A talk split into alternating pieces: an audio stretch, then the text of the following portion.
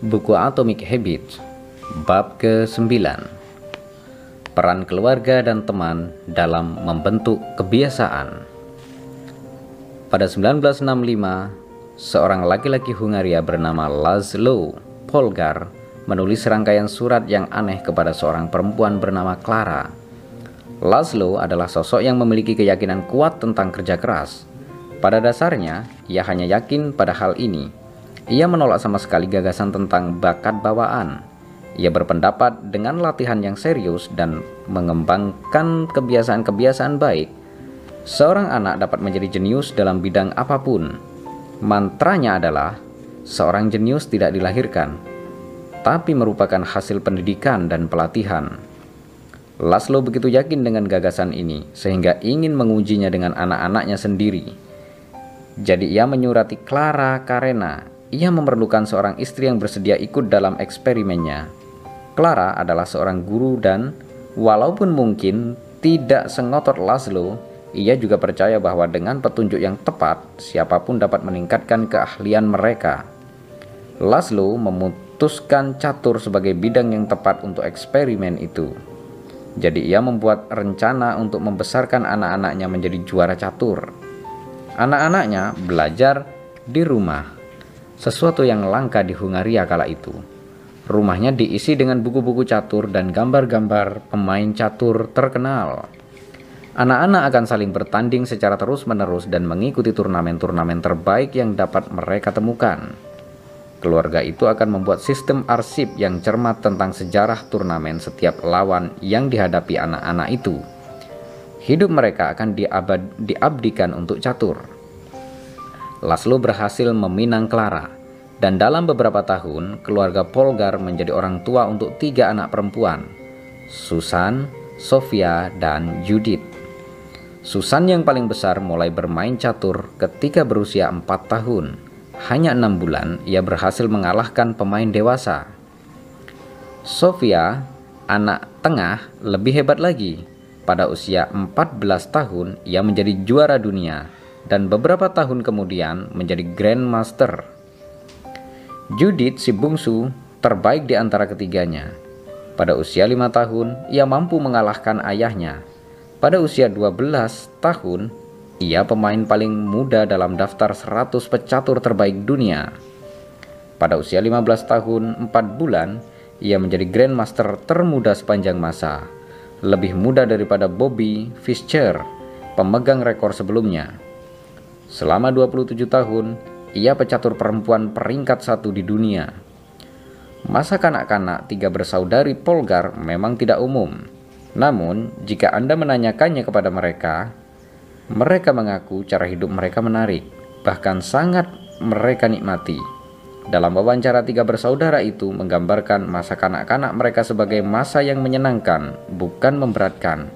Mereka senang bermain catur, mereka tidak pernah merasa cukup dalam kegiatan ini. Laszlo pernah bercerita tentang Sofia yang ia dapati sedang bermain catur di kamar mandi pada tengah malam. Ia menasehati Sofia untuk tidur dengan berkata, "Sofia, tinggalkan catur itu."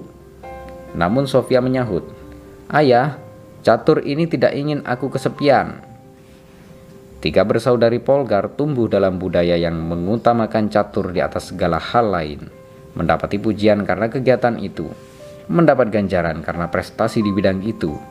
Dalam dunia mereka, obsesi terhadap catur dianggap normal, dan sebagaimana akan kita lihat, apa pun kebiasaan yang dianggap normal dalam kultur Anda berpeluang menjadi perilaku yang paling menarik bagi Anda.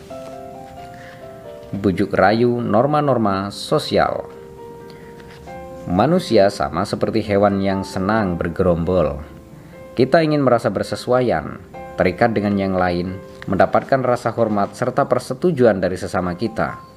Kecenderungan-kecenderungan seperti ini sangat penting bagi kemampuan bertahan hidup kita. Dalam sebagian besar sejarah evolusi, nenek moyang kita hidup dalam kelompok, terpisah dari kelompok atau lebih buruk lagi, diusir dari kelompok. Sama artinya dengan hukuman mati. Serigala yang sendirian akan mati, tapi kelompoknya tetap hidup. Sementara itu, mereka yang berkolaborasi memiliki ikatan dengan yang lain merasa makin aman, dapat mempunyai pasangan, dan bisa menikmati sumber daya bersama. Sebagaimana ditulis oleh Charles Darwin, dalam sejarah panjang umat manusia, mereka yang belajar berkolaborasi dan mampu berimprovisasi secara paling efektiflah yang berhasil bertahan hidup. Akibatnya, salah satu hasrat manusiawi yang paling dalam adalah merasa dimiliki. Preferensi kuno ini memberikan pengaruh yang sangat kuat pada perilaku modern kita. Kita tidak memilih kebiasaan di babak awal hidup kita. Kita meniru. Kita seperti mengikuti naskah yang diberikan kepada kita oleh teman dan keluarga, oleh agama atau sekolah, oleh masyarakat di sekitar kita, dan oleh masyarakat di lingkungan yang lebih besar. Tiap kultur dan kelompok ini memiliki seperangkat harapan dan standar masing-masing. Kapan dan di mana harus menikah, berapa banyak anak yang dilahirkan, hari raya yang harus dirayakan, berapa besar biaya untuk pesta ulang tahun anak. Dalam banyak hal, norma-norma sosial ini adalah aturan-aturan tak terlihat yang mengarahkan perilaku Anda setiap hari. Anda selalu mengingin anda selalu mengingatnya, bahkan meskipun bukan yang paling atas dalam pikiran Anda. Seringkali Anda mengikuti kebiasaan-kebiasaan dalam kultur itu tanpa berpikir, tanpa bertanya, dan terkadang tanpa mengingat. Seperti ditulis oleh filsuf Prancis Michael de Montaigne, adat dan gaya hidup dalam masyarakat menyapu habis kita semua. Seringkali hidup seiring dan sejalan dengan kelompok tidak terasa sebagai beban. Semua orang ingin merasa dimiliki. Bila dibesarkan dalam keluarga yang memberi Anda ganjaran karena keterampilan catur Anda, bermain catur akan terkesan seperti kegiatan yang sangat menarik. Bila bekerja dalam lingkungan tempat semua orang mengenakan busana mahal, Anda akan cenderung membeli busana yang setara dengan orang lain. Bila semua teman mempunyai gurauan untuk kelompok mereka atau menggunakan frase baru, Anda ingin memakainya juga, supaya mereka tahu bahwa Anda bagian dari mereka. Perilaku menjadi menarik ketika membantu kita menjadi sesuai. Kita meniru kebiasaan dari ketiga kelompok berikut. 1. Yang akrab dengan kita. 2. Yang banyak. 3. Yang berkuasa.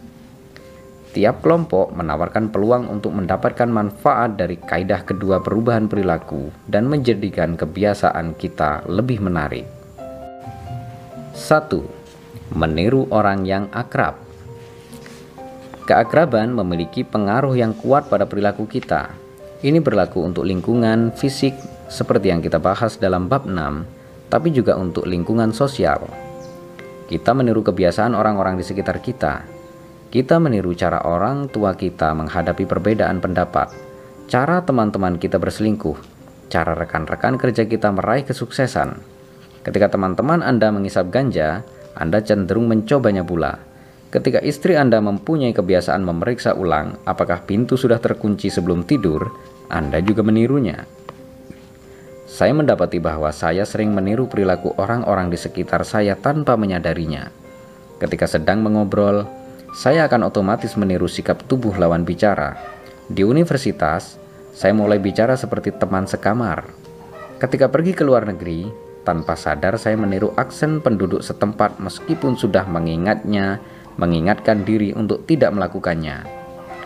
Sesuai aturan umum, makin akrab kita dengan seseorang, makin mungkin kita meniru beberapa kebiasaan mereka suatu kajian terobosan memantau 12.000 orang selama 32 tahun dan menemukan bahwa peluang seseorang mengalami kelebihan berat badan bertambah 57% bila ia mempunyai teman yang berat badannya berlebih. Ini juga berlaku untuk kebalikannya. Kajian lain menemukan bahwa jika seseorang yang berpacaran menjadi kurus, peluang pasangannya ikut menjadi kurus kira-kira 30% teman dan keluarga memberikan semacam tekanan tak terlihat yang menarik kita ke arah mereka. Tentu saja, tekanan dari orang sekitar buruk hanya jika Anda dikelilingi oleh pengaruh-pengaruh yang buruk. Ketika astronot Mike Massimino masih mahasiswa pasca sarjana di MIT, ia mengambil mata kuliah robotika. Dari 10 orang yang mengambil mata kuliah itu, empat orang menjadi astronot. Jika cita-cita Anda adalah terbang ke ruang angkasa, kuliah itu menyediakan kultur terbaik yang bisa Anda harapkan.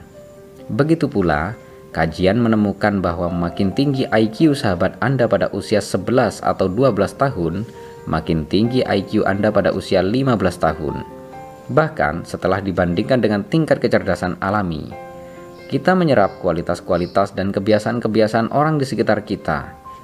Satu hal paling efektif yang dapat dilakukan untuk membangun kebiasaan yang lebih baik adalah menggabungkan dengan kultur tempat perilaku yang Anda inginkan, dianggap perilaku yang normal. Kebiasaan-kebiasaan baru terkesan dapat diraih ketika Anda melihat orang lain melakukannya setiap hari. Jika dikelilingi oleh orang-orang yang bugar, Anda lebih mungkin memandang olahraga sebagai kebiasaan yang lazim. Bila berada di antara penggemar jazz, Anda lebih mungkin percaya bahwa berlatih jazz setiap hari itu wajar. Kultur Anda menentukan harapan Anda tentang apa yang normal. Beradalah di antara orang-orang dengan kebiasaan yang ingin Anda miliki. Anda akan bertumbuh bersama. Agar kebiasaan Anda lebih menarik lagi, Anda dapat membawa strategi ini selangkah lebih jauh. Bergabunglah dengan kultur tempat. 1. Perilaku yang Anda inginkan dianggap sebagai perilaku normal dan 2. Anda sudah memiliki kesamaan dengan kelompok. Steve Camp, pengusaha di New York City, mengelola perusahaan bernama Nerd Fitness yang membantu para kutu buku dan orang yang dianggap eksentrik tetap kuat dan sehat. Klien-kliennya mencakup penggemar video game, pecandu film, dan orang biasa yang ingin memiliki tubuh ideal. Banyak orang merasa tidak pantas ketika pertama kali datang ke sasana kebugaran atau berusaha mengubah pola makan. Tapi bila Anda sudah sama dengan anggota kelompok dalam hal tertentu, misalnya sama-sama keranjingan Star Wars, perubahan menjadi lebih menarik karena rasanya orang lain juga seperti Anda. Tidak ada yang lebih mendukung motivasi dibandingkan menjadi anggota kelompok. Kondisi itu mengubah proyek kepribadian, proyek kepribadian, proyek pribadi menjadi proyek bersama. Sebelumnya, Anda berusaha sendiri, identitas Anda tunggal, anda seorang pembaca, Anda seorang pemusik, Anda seorang atlet. Ketika bergabung dengan klub buku atau band atau perkumpulan penggemar bersepeda, identitas Anda menjadi terkait dengan orang-orang di sekitar Anda. Pertumbuhan dan perubahan tak lagi menjadi perjuangan individu. Kami pembaca, kami pemusik, kami pendengar, penggemar bersepeda. Identitas bersama mulai memperkuat identitas pribadi Anda. Ini sebabnya setelah meraih suatu sasaran, penting sekali untuk mempertahankan kebiasaan Anda. Dalam hal ini, pertemuan dan komunitas menanamkan identitas baru serta memudahkan perilaku bertahan dalam jangka panjang. Kedua, meniru orang banyak. Pada 1950-an, psikolog Solomon Asch mengadakan serangkaian eksperimen yang sekarang diajarkan kepada banyak mahasiswa strata 1 tiap tahun. Untuk memulai tiap eksperimen, subjek memasuki ruangan bersama sekelompok orang yang tidak dikenalnya. Tanpa sepengetahuan mereka, partisipan lain adalah aktor-aktor yang sengaja dihadirkan oleh peneliti dan diminta memberikan jawaban yang telah disiapkan untuk pertanyaan tersebut. Kelompok itu diminta melihat kartu dengan garis di bagian atas, lalu kartu kedua yang berisi beberapa garis. Tiap orang diminta memilih garis pada kartu kedua yang memiliki panjang sama dengan garis pada kartu pertama. Ini tugas yang sangat sederhana. Berikut contoh dua kartu yang digunakan dalam eksperimen itu. Eksperimen selalu dengan cara yang sama. Pertama, ada beberapa uji coba mudah ketika setiap orang sepakat tentang garis yang benar. Setelah beberapa putaran, partisipan diminta menjalani uji yang sama jelasnya seperti yang terdahulu. Hanya saja, para aktor di ruangan itu dengan sengaja memilih jawaban yang salah. Sebagai contoh, mereka menjawab A untuk pem, untuk membandingkan dalam gambar. Semua orang sepakat bahwa garis-garis itu sama, bahkan meskipun keduanya jelas berbeda. Subjek yang tidak menyadari konspirasi itu langsung menjadi bingung. Mata mereka terbelalak, mereka tertawa gugup. Mereka mengamati kembali reaksi partisipan-partisipan lain. Kekesalan mereka bertambah setiap kali orang yang setuju dengan jawaban keliru itu bertambah. Tak lama kemudian, subjek mulai meragukan penglihatannya sendiri. Akhirnya, mereka memberikan jawaban yang dalam hati mereka ketahui tidak benar. Ash menjalankan eksperimen ini berulang-ulang dengan banyak cara berbeda. Yang ia temukan adalah bahwa ketika jumlah aktor ditambah, bertambah pula konformitas subjek. Kalau subjek hanya bersama seorang aktor, pengaruh terhadap pilihannya tidak ada. Subjek hanya berpendapat bahwa ia seruangan dengan seorang bodoh. Ketika ada dua orang aktor, subjek masih belum begitu terpengaruh. Akan tetapi ketika jumlah aktor ditambah menjadi tiga, empat, bahkan delapan, subjek menjadi makin terdorong untuk meragukan pengamatannya sendiri. Pada akhir eksperimen, hampir 75% subjek tunduk pada pandangan kelompok bahkan meskipun jawaban itu tidak jelas tidak benar. Setiap kali tidak yakin bagaimana harus bertindak, kita mencermati reaksi kelompok untuk memandu perilaku kita.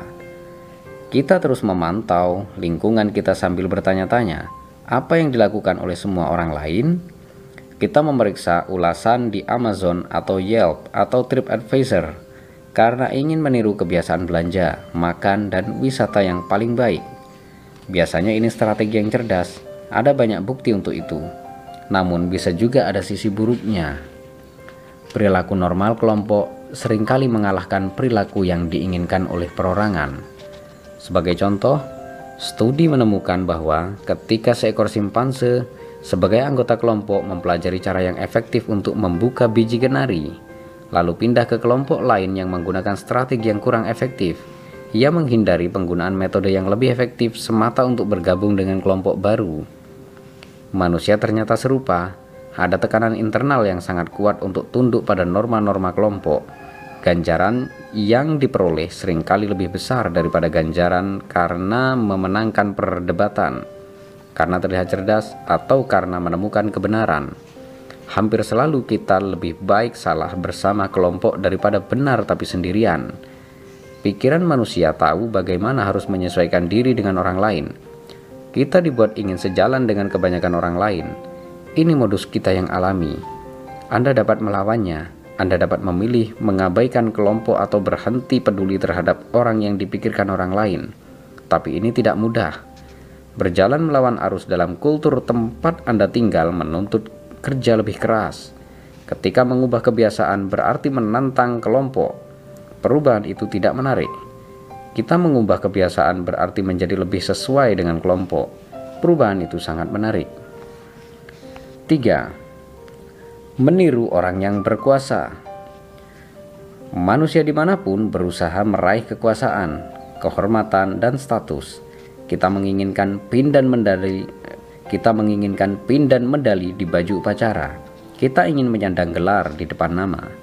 Kita ingin diakui, dianggap istimewa, dan dipuji. Kecenderungan ini bisa terkesan tidak produktif, tapi secara keseluruhan merupakan langkah yang cerdas. Dalam sejarah, orang dengan kekuasaan lebih besar dan status lebih tinggi memiliki akses lebih besar ke sumber daya, tak terlalu takut tentang bertahan hidup, dan terbukti lebih menarik bagi lawan jenis. Kita tertarik meniru perilaku-perilaku yang membuat kita dihormati, disepakati, dipuji, dan memiliki status. Kita ingin menjadi sosok yang berotot di sasana kebugaran, atau pemusik yang mampu memainkan teknik paling sulit, atau orang tua dengan anak-anak yang paling sukses karena hal ini memisahkan kita dari orang kebanyakan. Jadi, begitu berhasil menyesuaikan diri, kita mulai mencari cara untuk menonjol dibandingkan orang lain. Ini satu alasan kita begitu peduli terhadap kebiasaan-kebiasaan orang yang sangat efektif. Kita berusaha meniru perilaku orang sukses karena kita sendiri ingin sukses. Banyak kebiasaan sehari-hari kita yang merupakan tiruan dari orang-orang yang kita kagumi. Anda meniru strategi pemasaran perusahaan-perusahaan paling sukses dalam industri Anda. Anda membuat resep dari tukang kue yang Anda sukai. Anda meniru gaya bercerita penulis yang Anda sukai. Anda meniru gaya komunikasi atasan Anda. Kita meniru orang yang kita kagumi. Orang berstatus tinggi senang disetujui, dihormati dan dipuji oleh orang lain. Dan itu berarti Jika suatu perilaku, jika suatu perilaku dapat membuat kita disetujui, dihormati dan dipuji, kita merasa perilaku itu menarik. Kita juga termotivasi untuk menghindari perilaku yang akan menurunkan status kita. Kita memangkas pagar hidup dan rumput karena tidak ingin disebut jorok oleh tetangga. Ketika ibu kita datang berkunjung, kita membersihkan rumah karena tidak ingin ditegur. Kita terus-menerus bertanya dalam hati, apa kata orang lain tentang aku, lalu mengubah perilaku kita berdasarkan jawabannya. Tiga bersaudara Polgar, juara-juara Satur yang diceritakan di awal bab ini adalah bukti kuat dan lamanya dampak pengaruh sosial yang dapat terjadi pada perilaku kita. Ketiga bersaudara itu berlatih catur berjam-jam sehari dan terus melakukannya selama puluhan tahun. Akan tetapi, Kebiasaan dan perilaku ini dipertahankan karena memiliki sifat menarik, antara lain karena prestasi mereka dihargai oleh kultur mereka, dari pujian oleh orang tua sendiri dan prestasi peraihan status sampai ke tingkat grandmaster. Mereka mempunyai banyak alasan untuk terus bekerja keras. Ringkasan bab ke-9 Kultur tempat kita tinggal menentukan perilaku-perilaku mana yang menarik bagi kita. Kita cenderung mengambil kebiasaan yang dipuji dan diterima oleh kultur kita karena kita memiliki hasrat yang kuat untuk menyesuaikan diri dan menjadi bagian dari kelompok. Kita cenderung meniru kebiasaan tiga kelompok sosial yang akrab, keluarga dan teman. Orang banyak, kelompok, dan orang berkuasa yang memiliki status dan prestis. Salah satu hal yang paling efektif untuk dilakukan guna membangun kebiasaan yang lebih baik adalah bergabung dengan kultur tempat. Satu, perilaku yang Anda inginkan dianggap normal dan dua, Anda sudah memiliki sesuatu yang juga dimiliki oleh sesama anggota kelompok. Perilaku normal kelompok sering kali lebih kuat daripada perilaku yang diinginkan secara individu. Seringkali kita lebih baik keliru bersama kelompok daripada benar tapi dikucilkan. Jika suatu perilaku dapat membuat kita disetujui, dihormati, dan dipuji, kita merasa perilaku itu menarik. Terima kasih dan bersambung ke bab 10.